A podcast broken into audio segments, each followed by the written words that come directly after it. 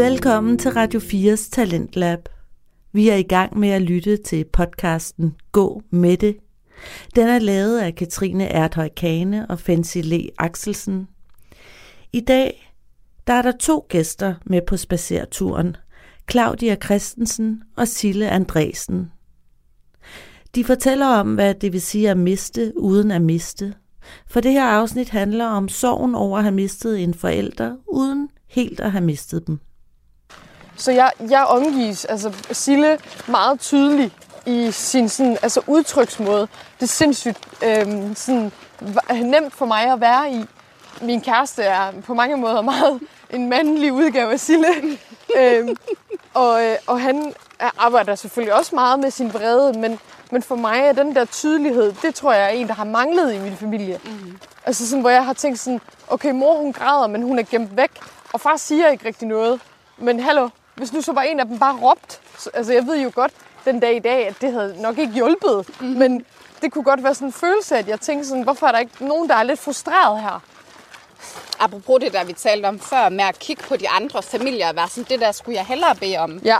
Det er jo sådan en coping-strategi, og det, det er jo meget rationelt, at man gør det, fordi man synes, det man selv er i er så trælst. Ja, og man tænker, det vi mangler, det er nogen, der råber ja. lidt højt her, ikke? Det er ikke sikkert, det havde løst noget som helst. Og apropos det, du siger, Claudia, så, så har jeg netop valgt en mand, som ikke bliver vred. Han bliver... Altså, der er ikke noget, der kan få ham op i det røde felt. Men det er jo rigtig godt for mig, fordi det virker ekstremt afvæbnende på min vrede, at han altid kan kigge på mig med et smil og være sådan, ah, rolig, altså, moster. rolig mulle. Det er nok ikke så slemt. Og, eller sige til mig, ej, du er godt nok sød, når du bliver så vred. I stedet for, hvis han blev vred, så vil vi jo, så vil vi jo to gen... personer, der bare råber i hovedet. Præcis. Det løser jo ingenting. Så, så, så det er godt at have sådan en lynafleder. Ja. Det er måske heller ikke helt tilfældigt, altså, at, det, at, at den type person, som du har valgt at, at gifte dig med, og, øh, fordi det jo netop har været igen det her med, det behov, vi ikke havde som, eller du ikke havde som, som barn, ikke? det har du jo så fundet nu. Ja. Det, altså sådan, eller en person, der kan hjælpe til at afdække det behov. Ikke? Altså. De største lærermestre. Ja. ja. Ja, og det er måske også der, hvor, hvor det bliver også måske et parameter for, for vores bevidsthedsniveau. Fordi det faktum, at man ikke vælger social arv, eller altså det, at man ikke vælger det, man havde derhjemme, kan også godt være et udtryk for, at man er nået til et eller andet helingssted i det, man så har været i. Ikke? Fordi jeg tror tit også, kommer man måske til at vælge det, man kender, og det, der har været træls i ens egen familie, hvis man ikke har udviklet sig nok i en retning, der gør, at man faktisk tiltrækker noget andet. Mm-hmm. Jamen, der er slet ingen tvivl om, at vi har en forhistorik med, med to ekskærester, som jeg i hvert fald kan tale for mig selv, at han, min ekskæreste, lignede rigtig meget noget dysfunktionelt i min familie. Mm. Meget tiget, og egentlig ikke sagde det, som der ligesom var i luften.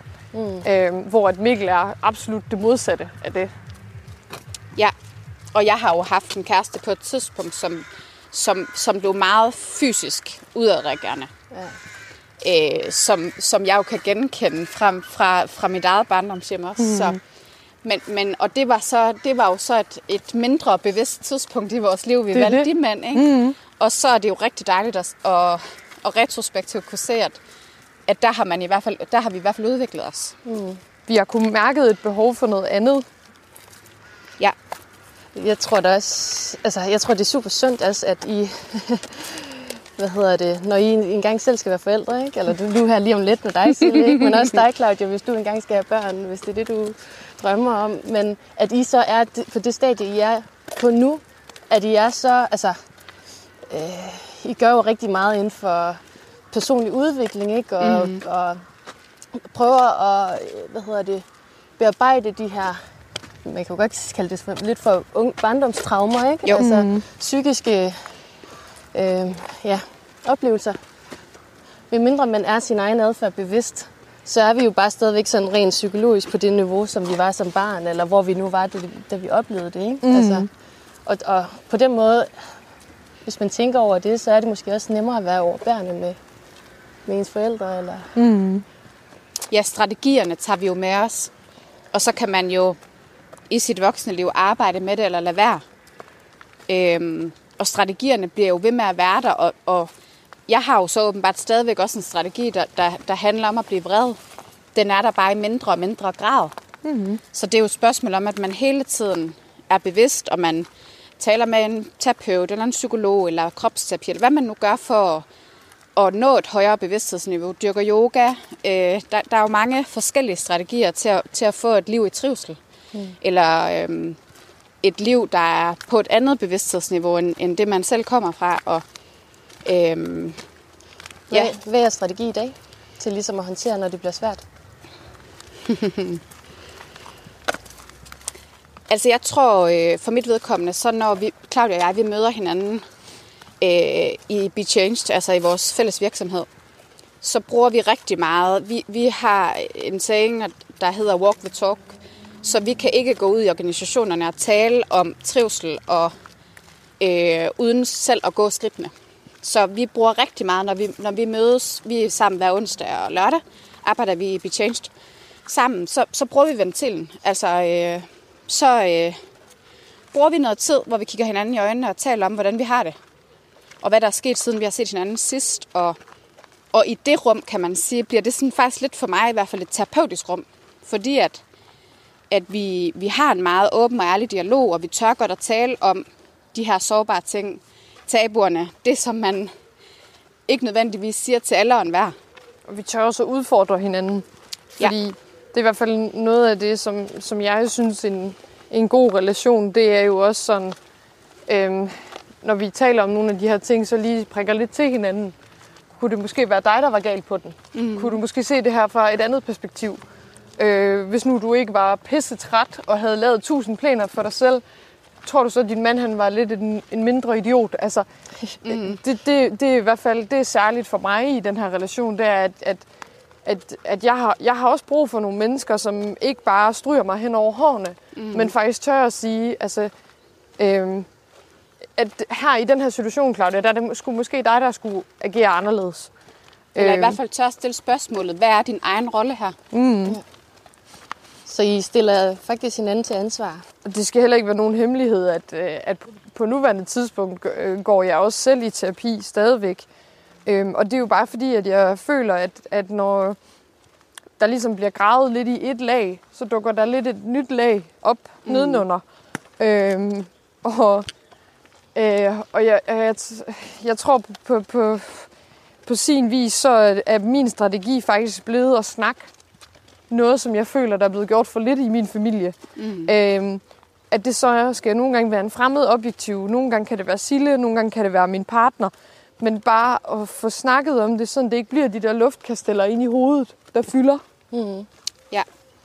Og, og det er helt det samme for, for mig. Altså, jeg, jeg synes ikke, at man kan gå ud og, og tale med andre mennesker om udvikling og trivsel og forandring og læring, hvis man ikke, hvis man ikke gør det selv. Så vi holder hinanden ansvarlige for, og det, bliver, det er også en del af vores virksomhedsstrategi, at vi er nødt til at blive ved med at udvikle os. Og, og det, det gør man ikke, hvis man ikke øh, også bliver, altså hvis der ikke også er nogle objektive mennesker eller hinanden, der, der ligesom, hvis man ikke får nogle nye perspektiver eller bliver inspireret udefra, det er rigtig vigtigt for os begge to. Øh, for mit vedkommende er det også øh, terapi og sådan noget, jeg gør fra tid til anden. Om det så er en psykolog eller en anden form for terapi, øh, eller kropsterapi eller noget, noget, noget fjerde, så, så, øh, det, det er vigtigt. Altså, vi er jo, vi er jo vores, eget, vores krop og vores talerør og vores eget redskab, når man, når man skal leve af, af et arbejde, som vi gerne vil. Så er man jo også nødt til at holde sit redskab funktionsdygtigt, og mm-hmm. øh, man, er, man har også brug for at være ren, forstå mig på den måde, at Claudia og jeg har jo også skygger på nogle ting kvæg vores historie, og vi har nogle, nogle ting, som vi kan finde på at projektere over på andre mennesker, som, som, øh, som vi ikke kan se. Og, og det er vi nødt til at, også at, at få hjælp til at hele tiden sørge for, at, at der er ryddet så meget ud, som der kan være. Og, og for, for, for mit vedkommende er det også, jeg går i terapi selv, men jeg går også i terapi med min mand. Og, og parterapi kan godt få nogen lyde, sådan som om, når man skal skilles, eller ja. hvad, hvad er der galt hjemme med jer. Men vi gør det faktisk forebyggende ja. i forhold til vores relation, for vi har lyst til at investere det i hinanden. Vi har lyst til, at vi skal være sammen øh, øh, og i en bæredygtig relation. Og der tror jeg bare, det er rigtig væsentligt, at man nogle gange får hjælp udefra, og en, der kan se nogle helt andre ting, end vi selv kan, fordi vi kan jo ikke, altså vi er jo ikke øh, den hellige gral, vi har jo ikke de rigtige svar på alt. Nej, vi kan ikke være alt hele tiden. Det kan vi ikke. Øh, og, og man har jo man har jo blinde pletter på sig selv. Man synes jo på en eller anden måde selv altid, at man har de rigtige svar. Men i mødet med andre finder man jo ud af, at det har man jo faktisk ikke. Altså, øhm, Og terapi ja. er jo sådan lidt, lidt ligesom, at der er andre folk går ned i fitnesscenteret ikke, for at træne, sig, altså træne til at få store muskler, eller træne til at få en slankere krop, eller hvad endmålet er. Mm. Så er terapi jo også bare en, hvad skal man sige, fitness for øh, altså sindets velvære, ikke? Altså, Jo.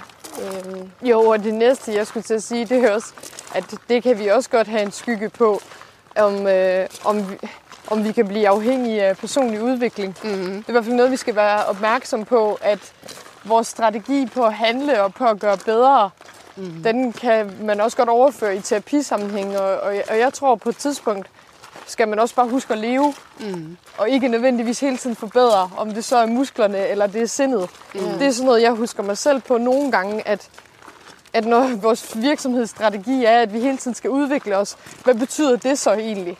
Fordi mm. Det er også i pausen, det er i coronapausen, Ja. at man får indsigter, men dyrker kreativiteten. Så Og i talepauserne, ligesom vi talte lidt indledende om i forhold til, til, at vi taler med jer i dag, der sker jo noget, når vi holder pauser. Ja, det, det gør det. Det er der, hvor tankerne og inspirationen ligesom... Altså, hvor man giver plads til, at inspirationen kan ramme, og kreativiteten kan blomstre, og bare det at gå en tur, ikke? Ja, Altså, de her kan jo være sådan træer. helt... Øh, også helende et eller andet mm. sted, ikke? Altså, det der... Du, du, det ved du sikkert selv, fordi du har en baggrund som, som yoga, eller inden for, som yogi, er det det, det hedder? Altså det her med vejrtrækning, ikke? Altså, mm. Eller det med at blive grounded også, kan en gåtur jo også gøre. Lige præcis. Eller hvad end det nu er, man har som grounding-strategi. Ja, og det kan jo godt være meget individuelt, men der er ikke nogen tvivl om, at, at al forskning viser jo også, at gå ud i naturen, hvor at der, der bliver vores system nulstillet på en anden måde, fordi det er naturlige lyde, og det er, det er sådan vores, vores drifter, som, som jo, altså vi er jo bare aber, der går rundt imellem hinanden mm. grundlæggende, ikke? Øhm, der sker noget særligt med vores system. Man bruger jo også naturen som, som stressbehandling. Øh, apropos de historier, vi også har fortalt i dag her. Ikke? Mm. Øhm, så naturen kan noget særligt, og det er også en del af den uddannelse, som Claudia og jeg, vi tilbyder i Changed. Det er, der er grounding en stor del, fordi at for at vi kan være i trivsel og i gode relationer med hinanden, der er bæredygtige, så er vi jo nødt til at være alignet med os selv først og fremmest. Og mm. jeg får også lyst til at bruge ordet neutraliseret, sådan at øh, stress og jag, øh, familierelationer og alle de andre ting, som alle mennesker jo oplever i et helt almindeligt dagligdags liv. Hvis man skal kunne, kunne gå ind i et rum sammen med nogle andre og udvikle noget, så, så, så skal man på en eller anden måde være i ro mm. og være forbundet med sig selv. Det er næsten det vigtigste først, ikke? Jo.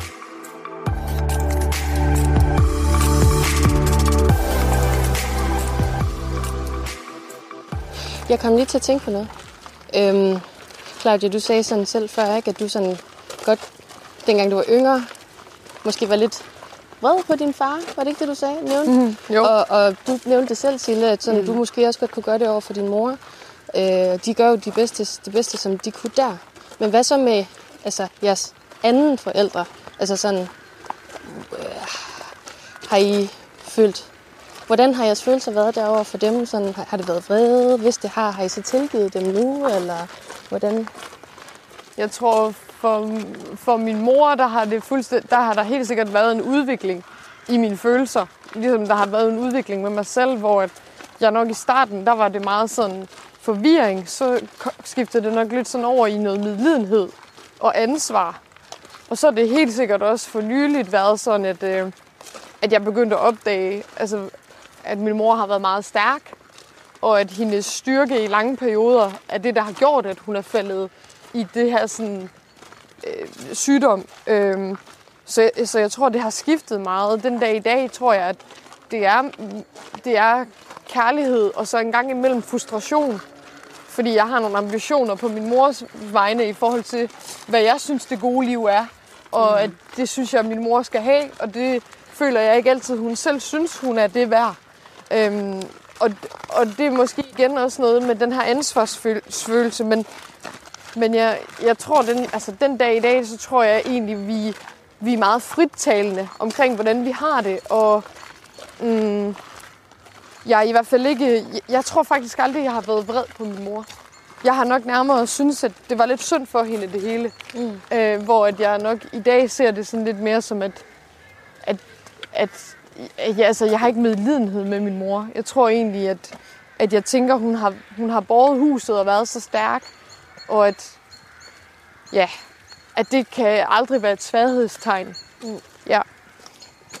Jeg tror også, grunden til, at jeg lige spurgte der, is, is, eller især var interesseret i dit svar der, mm. Claudia, det er også fordi, at altså, jeg har jo også, jeg kan relatere meget til din historie der med min mor, der også har haft psykiske mm. sygdomme og sådan noget, ikke? Og altså, jeg følte, at jeg sådan var nødt til ligesom at vokse op og blive voksen i, i en tidlig alder, ikke? Så jeg har måske i mange år sådan gået og følt fred over for hende. Øhm, mm. Følte det var uretfærdigt, og, eller jo, i starten måske følte det var uretfærdigt, ikke? Men, men stadigvæk, altså det, at hun ikke, hun var der jo, så hvorfor var hun der ikke? Altså, mm. for mig, eller kunne være en mor og sådan noget, ikke? Mm. Så, men jeg synes, jeg synes, det er meget smukt, at du sådan kan være så, eller er så rummelig øh, over for netop din mor, kan se det sådan derfra. Der håber jeg på sådan at kunne komme ind en, mm. en dag. Mm. Men hvordan med dig, Sille, sådan over for din, din far? Fordi det er jo meget hårdt at, at blive, altså at have en forælder, der, der giver udtryk for, at de ikke vil dig, ikke? Altså, der er jo intet galt med dig, men som barn, så er det jo meget forståeligt, at du vender det indad, ikke? Mm. Og så tænker jeg, men hvorfor er jeg så ikke god nok, eller hvad? Eller? Mm. Så hvordan fik det der ligesom til at... Ja, hvilke følelser havde du ligesom gået og kæmpet med der i, i den forbindelse? Mm. Jamen, jeg tror, at vrede er jo igen ja. kendetegnende for hele min person, åbenbart. Nej, men, øh, men øh, nej, jeg har været rigtig vred på ham. Øh, jeg har også været uforstående. Ja. Mm, jeg har undret mig meget. Jeg, jeg, jeg, jeg har brugt timer på at spekulere på, hvordan det kunne være sådan. Altså, hvordan han kunne have det sådan. Og, og, og i dag har jeg det sådan, at jamen, spørgsmålet er, om han har det sådan, sådan som jeg tænker. Ja. Eller forestiller mig. Fordi jeg tror, min far, han elsker mig. Øhm, jeg tror bare ikke, han kan finde ud af at være i relationen. Og han kan jo så i hvert fald slet ikke finde ud af at være i relationen, som jeg ønsker, relationen skal være. Mm. Øhm, og det er jo også det er jo også en vigtig del af det her. Det er jo også for mig i hvert fald at sige, at, at det er jo fordi, jeg også ønsker, at relationen skal være på en bestemt måde, eller jeg ønsker i hvert fald, at vi skal gå i dialog om det. Og det har min far... Har du udtrykt det over for ham? Ja, ja, det har vi flere gange været i dialog om. Øh, og det er, det er aldrig endt. Udfaldet det har aldrig været sådan super godt. Mm. Øh, og i hvert fald ikke, som jeg havde ønsket det. Øhm, og i det skal man selvfølgelig også huske, at det tror jeg også, du sagde tidligere, det her med, at, at når man er såret på et tidspunkt i sit liv, hvor man er et barn, så når jeg for eksempel har indgået den dialog med min far, har jeg jo også gjort det måske stagneret som niårig. Så jeg har talt til ham, selvom at jeg har været voksen i nogle af de situationer, jeg har talt med ham, så har jeg jo gjort det fra et såret barns sted. Mm. Og, og det er jo ikke konstruktivt, og der, der kan man sige, der tilgiver jeg mig selv for det, fordi at, at jeg jo godt ved, at jeg er jo er barnet i den relation, uanset hvor gammel jeg bliver. Ja. Øhm, men jeg tror, jeg er nået til et punkt i dag, hvor jeg, det vil altid være et sorg i mig. Det vil altid være et svigt, og det vil altid være rigtig svært at tale om det med min far. Og, øhm, men, men jeg har ikke skam på det længere. Jeg skammer mig ikke over det. Øhm, og, og jeg er nået til et punkt, hvor jeg kan mærke, at jeg, jeg længes ikke efter ham, mm. som jeg har gjort. Og jeg længes ikke efter hans anerkendelse, fordi det tror jeg også bliver meget kendetegnende, når man har en forælder, der er fraværende. Ja, bestemt. Så længes man jo efter, at de siger, at man er god nok, og man er okay. Øhm, og det gør jeg ikke længere. Og det, det er jo nok, fordi jeg måske øh, har, har oparbejdet evnen til at give mig selv det ja. og fylde det hul ud, der er inde i mig mm. selv. Og at jeg selvfølgelig har nogle bæredygtige relationer. Jeg har Claudia, jeg har min mand, jeg har min mor, min søster og gode venner. Øhm, det er jo heldigvis det, der som regel også følger med et voksenliv. Det er, at vi, vi finder jo nogle relationer, om det så er venner, der bliver ligesom familie. Men Vi finder nogle aber, der siger os noget. præcis. Men så, altså, har du så bare altså nu efterhånden båret over med, at han nu altså ikke har den kapacitet eller kompetence, eller, eller er du bare sådan lidt, hvad skal man sige, hvad hedder det danske ord for, indifferent i, i relation til ham? Altså, altså fordi du ikke længere har et behov for ligesom at have en relation til ham. Er det så lidt ligegyldigt nu, eller, eller har du sådan, bare for at du også selv kan få ro i sindet, tilgivet ham for hans menneskelige mangler? Det er, jo, det er jo et interessant spørgsmål at spørge sig selv, eller øh, i andre sammenhæng, om det er for at overleve, at, man, man, at jeg siger, som jeg gør. Altså, er det en overlevelsesstrategi, at jeg, at jeg siger, at jeg godt forstår, for eksempel, eller at jeg i hvert fald har, jeg ved ikke, om jeg har tilgivet min far, men jeg har i hvert fald stiftet fred med det på en måde, ja. inde i mig selv. Ja. Mm, er det for at kunne overleve i sorgen og længslen?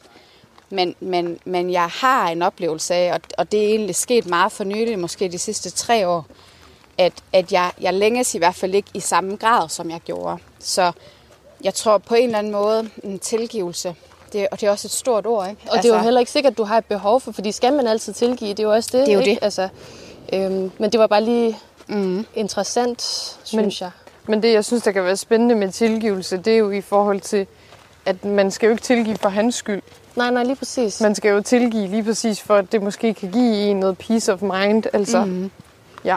Og, det- og det er måske der, hvor man kan sige, at, at sorgen, sorgen er blevet mindre, og længslen er blevet mindre, gør jo så også, at jeg har større fred i mit liv. Så, det, mm. så jeg ved ikke, om jeg har tilgivet, fordi jeg synes virkelig, det er et stort ord, og jeg synes, det er en stor følelse. Mm. Hvornår har man tilgivet noget? Eller sådan kunne man jo også spørge sig selv om. Men, men, men jeg tror, jeg er nået så langt, som jeg, som jeg kunne tillade mig at håbe på, mm. kunne jeg måske sige. Ikke? Jo. Jo, fordi altså... Ja, altså, men du skylder jo ikke ham noget. Så du skylder jo ikke engang det at skulle tilgive. Så jeg tror, at der også, ja, det er vel bare, det handler om at få fred på den måde, som, som det nu kan lade sig gøre, ikke? ja, finde fred i sig selv, og så er der jo ikke nogen tvivl om, at min far er ikke et ondt menneske. Han- Hans intention har givetvis ikke været at såre mig. Mm-mm. Så jeg håber jo, han har det godt, hvor han er. Ja. Øhm, og så, så skal jeg jo koncentrere mig om mig selv og det liv, jeg skal leve. Som jo så åbenbart skal være separeret, ikke? Jo. Adskilt.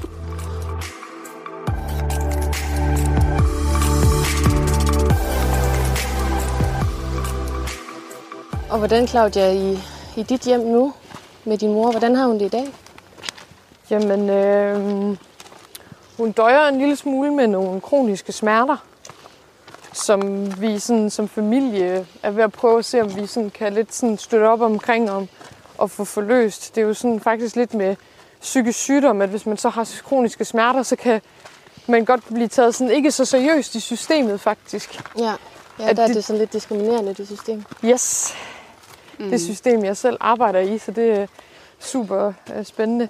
Men, øh, mm-hmm. men, øh, så, men, men, men jeg vil sige, sådan depressionsmæssigt er hun jo øh, medicinfri øh, de sidste halvandet år eller sådan noget. Øh, er jo sådan kommet sig over sin sidste depression ved også at få talt med en, som talte hendes modersprog. Øhm, på en eller anden måde, så så jeg har meget og i mange år haft følelsen af, at, at jeg synes, at min mor har offret rigtig meget for os som familie. Og at jeg nogle gange tror, at, at vi har betalt regningen som familie ved de her sygdomsforløb. Øhm, så hun har det efter omstændighederne godt på nuværende tidspunkt. Hun døjer bare lidt sådan med noget kropsligt. Og hvem ved, om det måske er noget gammel rest mm fra noget af alt det, hun har oplevet, som har sat sig nogle steder i kroppen. Silje, hvordan har du det den dag i dag?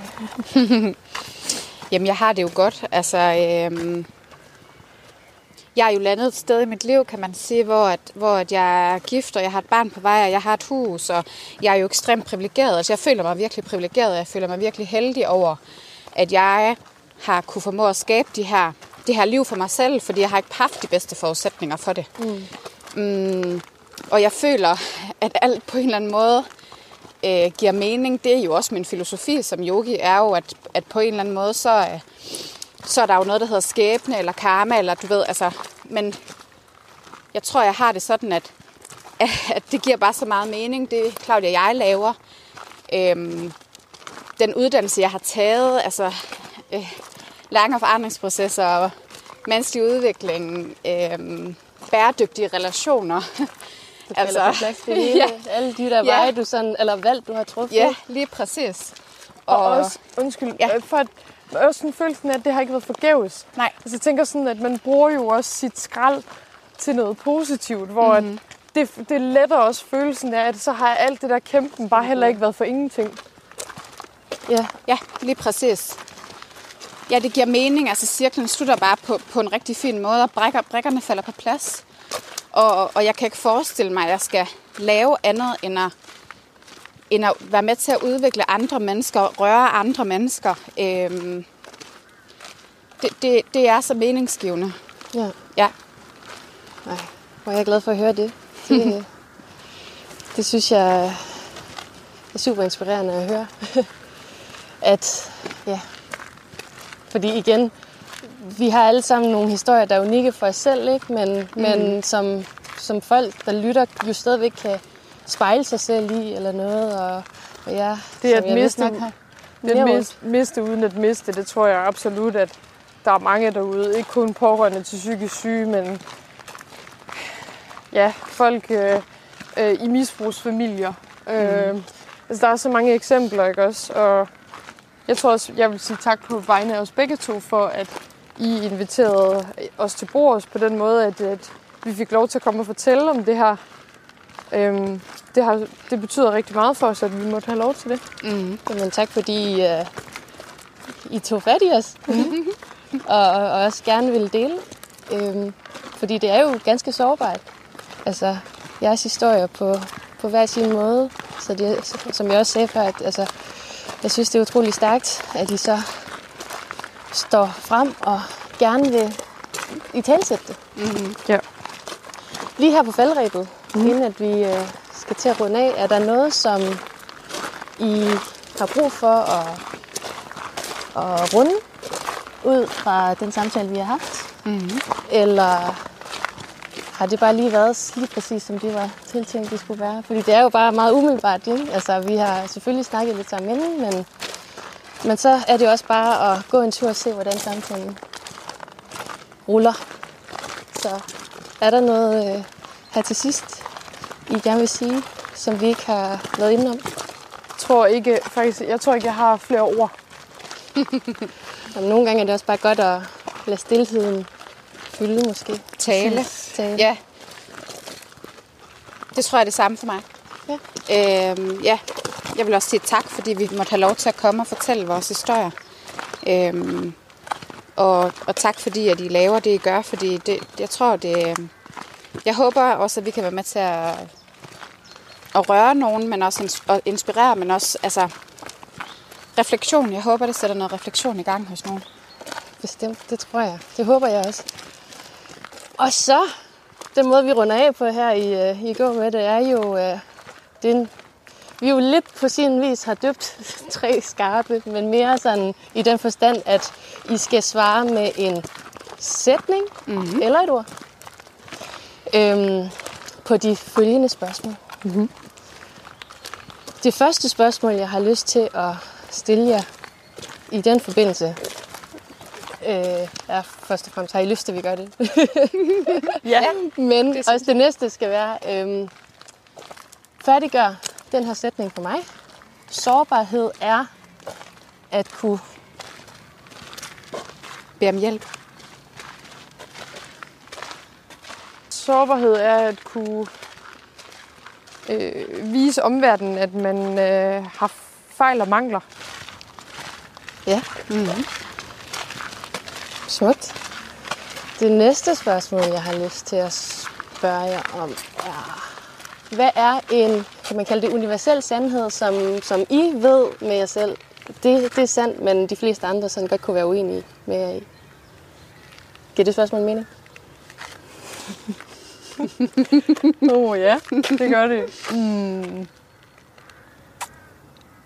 Øh, vi er alle brødre og søstre af den her jord, og jeg forstår ikke krig. Smukt. Jeg tror for mit vedkommende, at det er et spørgsmål om, at der er ikke noget, der er farligere, end at ikke sætte ord på tingene. Der er ikke noget, der er farligere, end ikke at sige tingene højt. Mm. Og det aller sidste. Færdiggør den her sætning. Verden vil være et bedre sted, hvis... Mm. Verden ville være et bedre sted, hvis alle mennesker gik lidt mere i terapi. Og verden ville være et bedre sted, hvis vi var bedre til at bære over med hinanden. Fantastisk. Tusind tak, fordi I gerne vil øh, medvirke i øh, dagens podcast her. Øh, tak. og Claudia. Det har været virkelig spændende. Det har været utrolig dejligt at gå en tur med jer og lytte til, til jeres tanker. Jeg tror så, at vi har gået 20 km eller sådan noget. Ja, i hvert fald 7 km snart. Så ja, Følelsesmæssigt 20. Ja, tusind tak for det. tak for nu. Tak for nu. Tak fordi du brugte tiden sammen med Claudia, Sille og jeg, hvor vi snakkede om sorgen ved at miste en forælder, uden rigtigt at have mistet dem. Det er jo nogle oplevelser, der har givet dem mange ting med sig, på godt og på ondt. Det har gjort dem til de stærke og handlekraftige kvinder, som de er i dag. Både Sille og Claudia har brugt rigtig lang tid på at øh, bearbejde sorgen i deres oplevelse af at miste øh, en forælder. Det har givet dem nogle store indsigter, og det har styrket deres evne til at se tingene meget mere oppefra og givet dem større rummelighed, givet dem større evne til at vise medfølelse. Og, som de også siger, styrket deres evne til faktisk at bede om hjælp, når de har behov for det. Fordi når man som barn bliver tvunget til at vokse op i en tidlig alder, så lærer man også at, at klare sig selv og blive stærk og finde løsninger. Og øh, derfor kan det jo virkelig være svært at bede andre om hjælp. Men deri ligger der også en kæmpe styrke, beundring og inspiration, synes jeg. Fordi det er utrolig svært at gå ind i det svære. Og øh, Claudia og Sille, synes jeg, er store forbilleder, når det kommer til det. Kender du nogen, som du synes, vi skal gå med, så øh, slide in the DM, giv os et pris, og så tager vi kontakt til dem. Du kan hjælpe os rigtig godt på vej ved at give os nogle stjerner der, hvor du kan.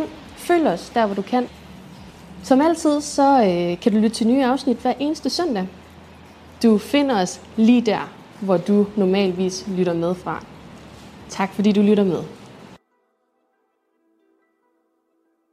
Er I helt drænet? Ej, min mand han har ringet tre gange.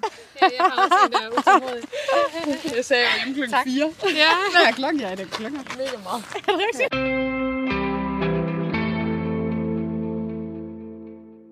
Du har lyttet til fritidspodcasten Gå med det her i Radio 4's Talentlab.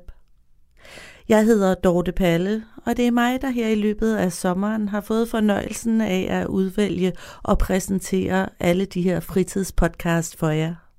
Jeg er grundlægger og underviser på Nordic Podcast Academy, og noget af det, der undrer mig, det er, hvor mange podcasts, der bliver produceret herinde fra et studie, ligesom jeg står i lige nu.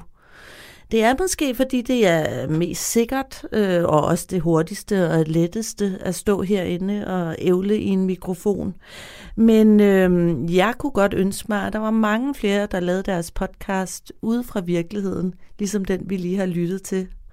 Så derfor vil jeg lige her hen mod slutningen af udsendelsen øh, slukke for mikrofonen herinde i studiet, tage min øh, optager i hånden, rejse mig op og gå ud af studiet og ud i virkeligheden. Rejs dig op og kom ud af studiet. Gode råd til at podcaste ude fra virkeligheden i coronatider. Langt de fleste podcasts bliver optaget i et studie med vært og gæster, der taler sammen. Disse talks fungerer godt, Men det har undret os, at der ikke er langt flere podcaster, der udnytter mulighederne med at tilføje deres programmer reportage. Altså noget lyd ud fra virkeligheden. Reportageelementer højner kvaliteten af din udsendelse og er godt til at få perspektiv og miljøskildringer ind over det, man taler om. Måske er der en smule berøringsangst i forhold til at bevæge sig ud af studiet. Det er trygt at sætte sig om bag mikrofonerne, og det er lettere at have kontrol over, hvad der foregår. Reportage kan være vanskeligere at lave og virke temmelig uoverskuelig. Hvor skal man starte, og hvad er vigtigst i processen, når man har besluttet sig for, at man gerne vil ud og optage? Lydreportagen har haft trange kår, men det er blevet endnu vanskeligere i de sidste års nedlukninger og coronarestriktioner. Selv det at have gæster i studiet er blevet en sjældenhed. De fleste udsendelser optages nu med gæster over nettet eller telefoner. Vi har vendet os til skrættende lyd over Skype.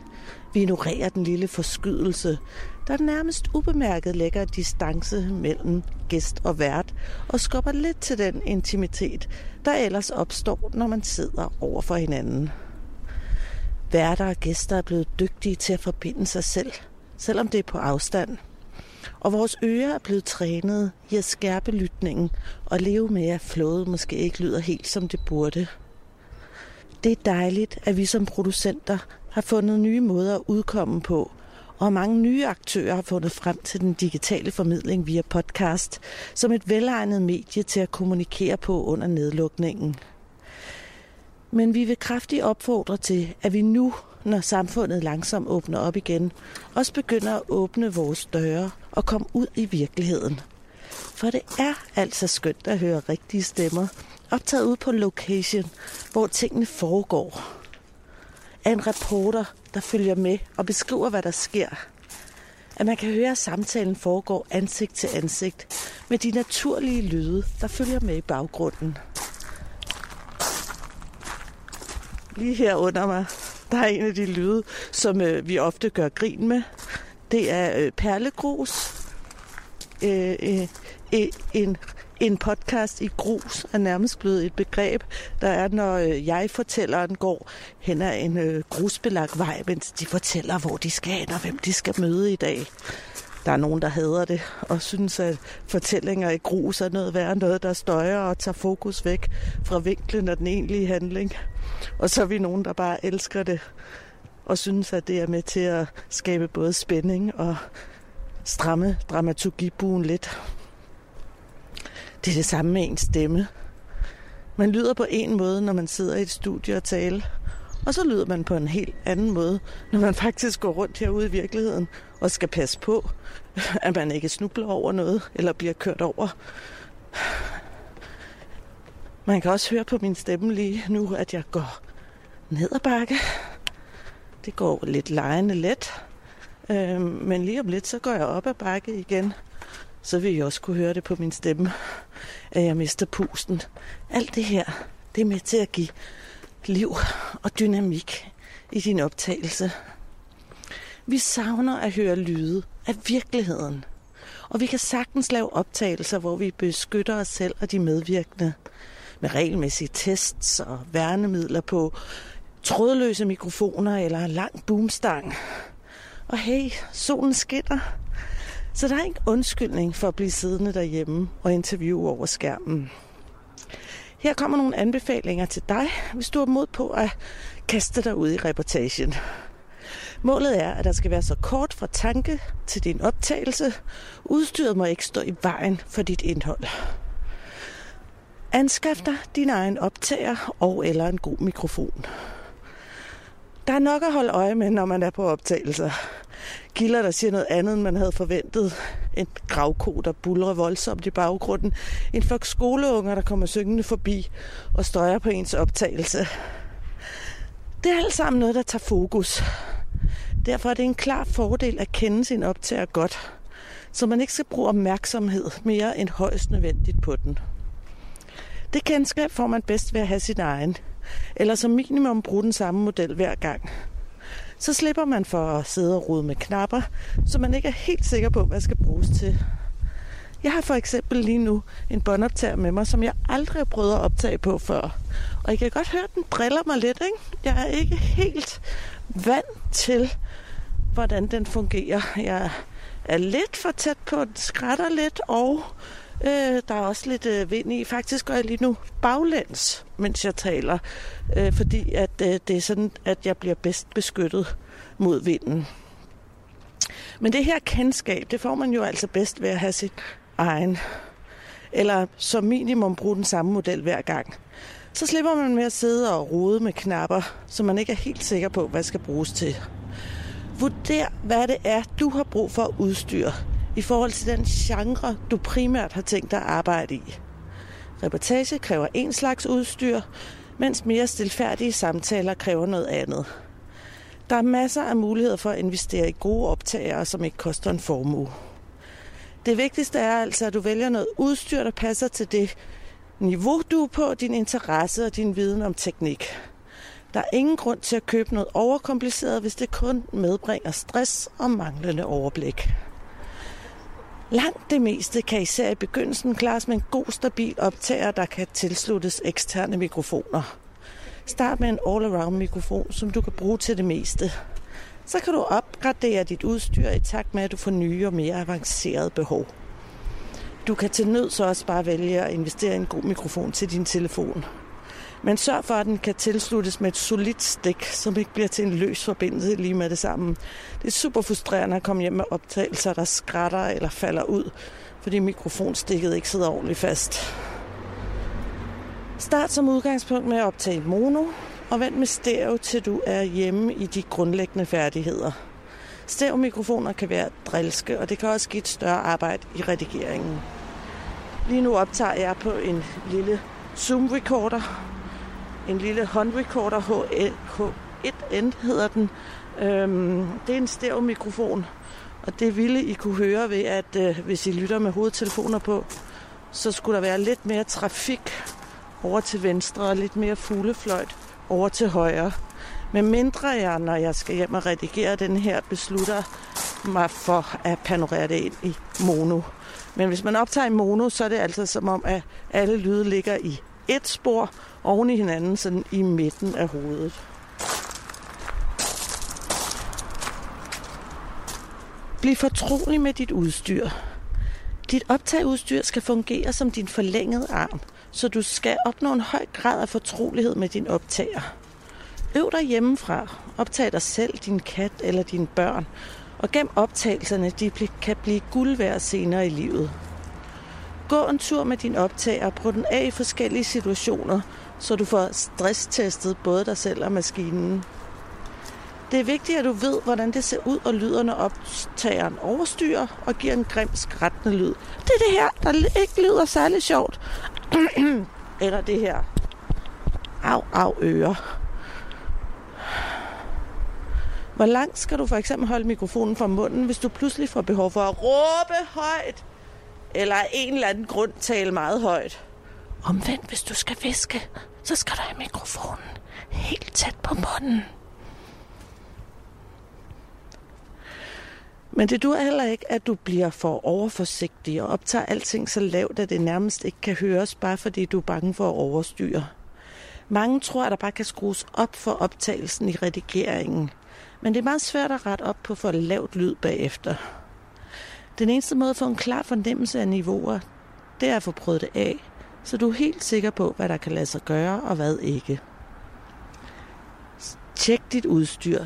Sæt alle grundindstillingerne hjemmefra og tjek, at alt virker og er ladet op, inden du skal afsted. Hver gang. Husk at tjekke, at du har tømt din hukommelseskort, og at du har bagget det op, du skal, så du ikke pludselig undervejs lader dig forvirre over, om noget skal slettes. Pas på, hvis udstyret er noget, du låner eller deler med andre. Selvom det er den samme recorder, som du optog med sidste uge, kan det være, at der er lige en anden, der har været inde og pille ved grundindstillingerne i mellemtiden. Selvom du tænker, at du kun skal lave et enkelt interview, og at det burde være plads nok på hukommelseskort og batteri, så har altid ekstra med dig. Du kan pludselig komme i en uforberedt situation, hvor du skal optage mere end forventet og løber tør. Brug hovedtelefoner. Det er et must løbende at tjekke, om niveauerne på din optagelse er okay. Det skærper også din bevidsthed og dit fokus, når du hører din egen stemme og omgivelsernes lyd. Det er med hovedtelefonerne på, at man pludselig hører de lyde, hjernen ellers sorterer fra. Et lysstofrør, der knirker, et ventilationsindlæg, der summer, eller trafikstøj, som lige nu, der er højere, end man øh, har lagt mærke til selv.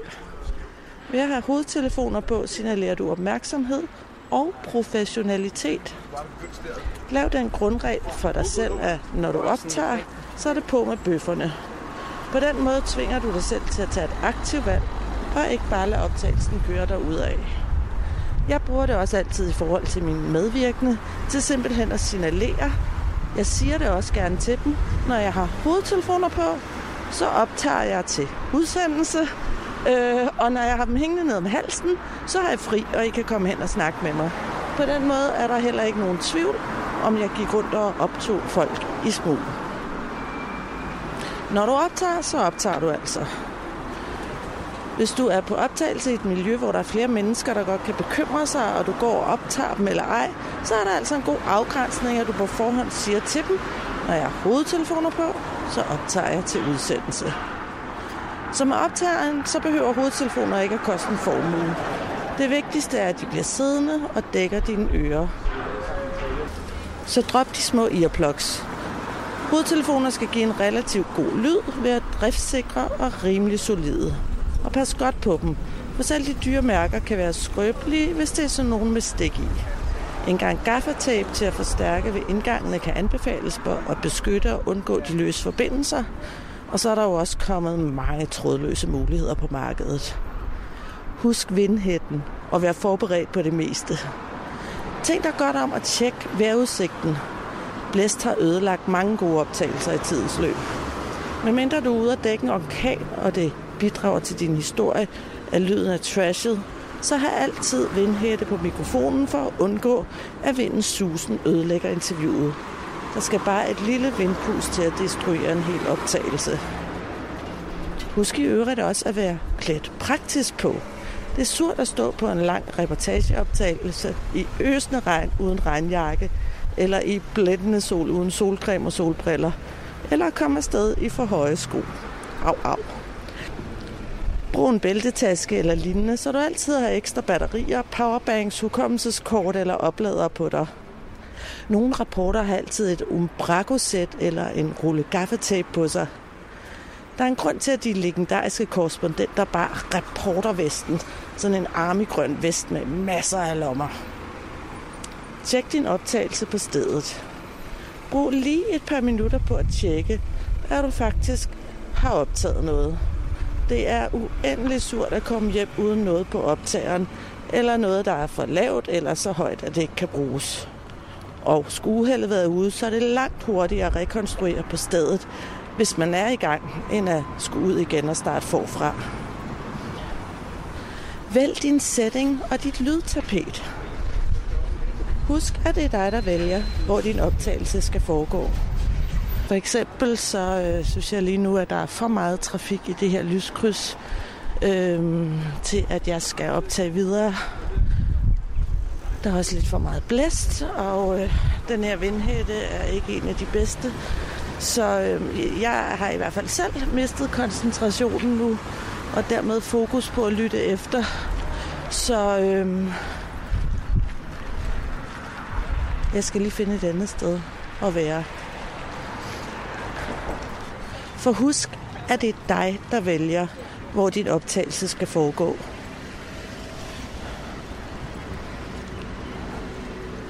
Det gælder også afstanden til din medvirkende.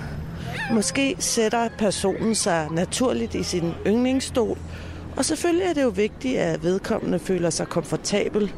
Men hvis det gør, at du sidder eller står helt skævt i forhold til din lyd, så må du rykke rundt på jer og på møblerne, indtil begge sidder optimalt. Forklar din interviewperson, at det er vigtigt for kvaliteten af optagelsen, at mikrofonen er tæt på hendes mund, og sørg for, at du selv sidder godt også. Hvis du har ondt i armen af at holde mikrofonen ud i strak arm efter 5 minutter af interviewet, så kommer du til at bruge din energi på det, og dit fokus på din arm, i stedet for på indholdet. Lyt efter og vær opmærksom på, om der er lyde i baggrunden, der generer. Uden at blive alt for besværlig, kan man godt bede sin medvirkende om at slukke for vaskemaskinen eller Bornholmeruret, hvis man vurderer, at lyden er mere forstyrrende end gavnlig. God stil er, at man også husker dem på at tænde igen, når man er færdig med at optage. Husk også at være opmærksom undervejs.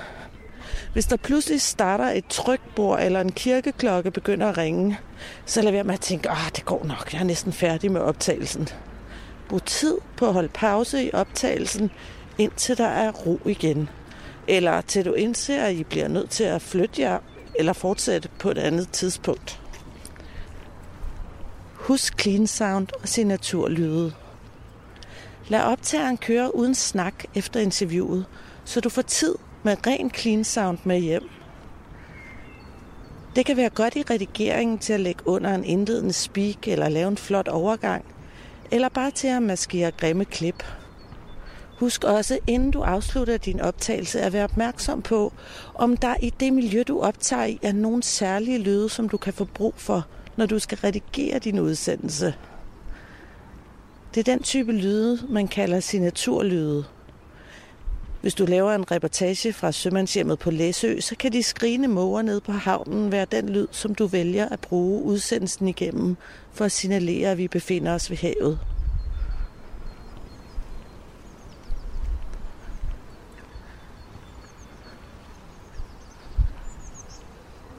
Hvis jeg lige stopper op og lytter nu, så er det vist mest øh, lyden af forårsfugle, jeg kan høre.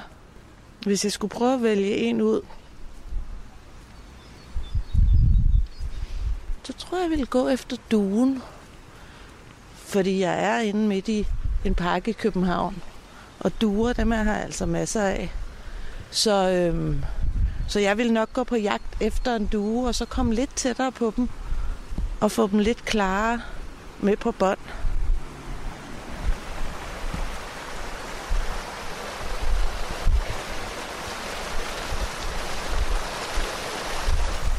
Der er også øh, et øh, lille vandløb her. Det er sikkert noget forurenet spildevand. Øh, men det er også en dejlig lyd, som øh, jeg kunne bruge. Så den vil jeg også lige skynde mig at, at plukke og komme ned i min lomme. Jeg ser meget på det som at gå og plukke blomster, når man sådan går og samler lyde ind. Lav din egen lille lydbuket.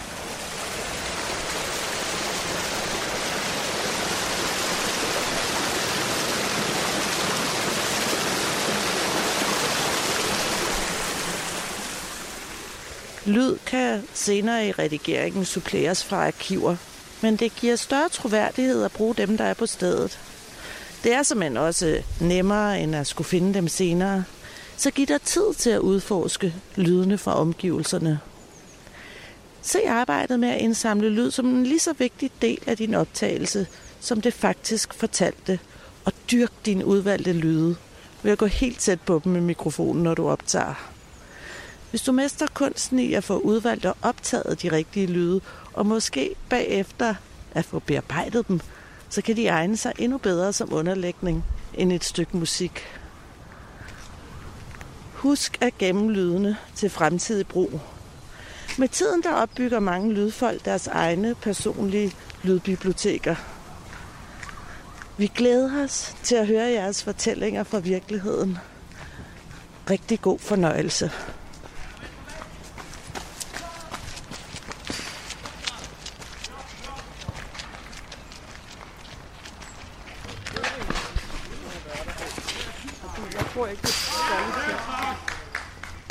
Og her fandt duen. Den sidder oppe i træet her.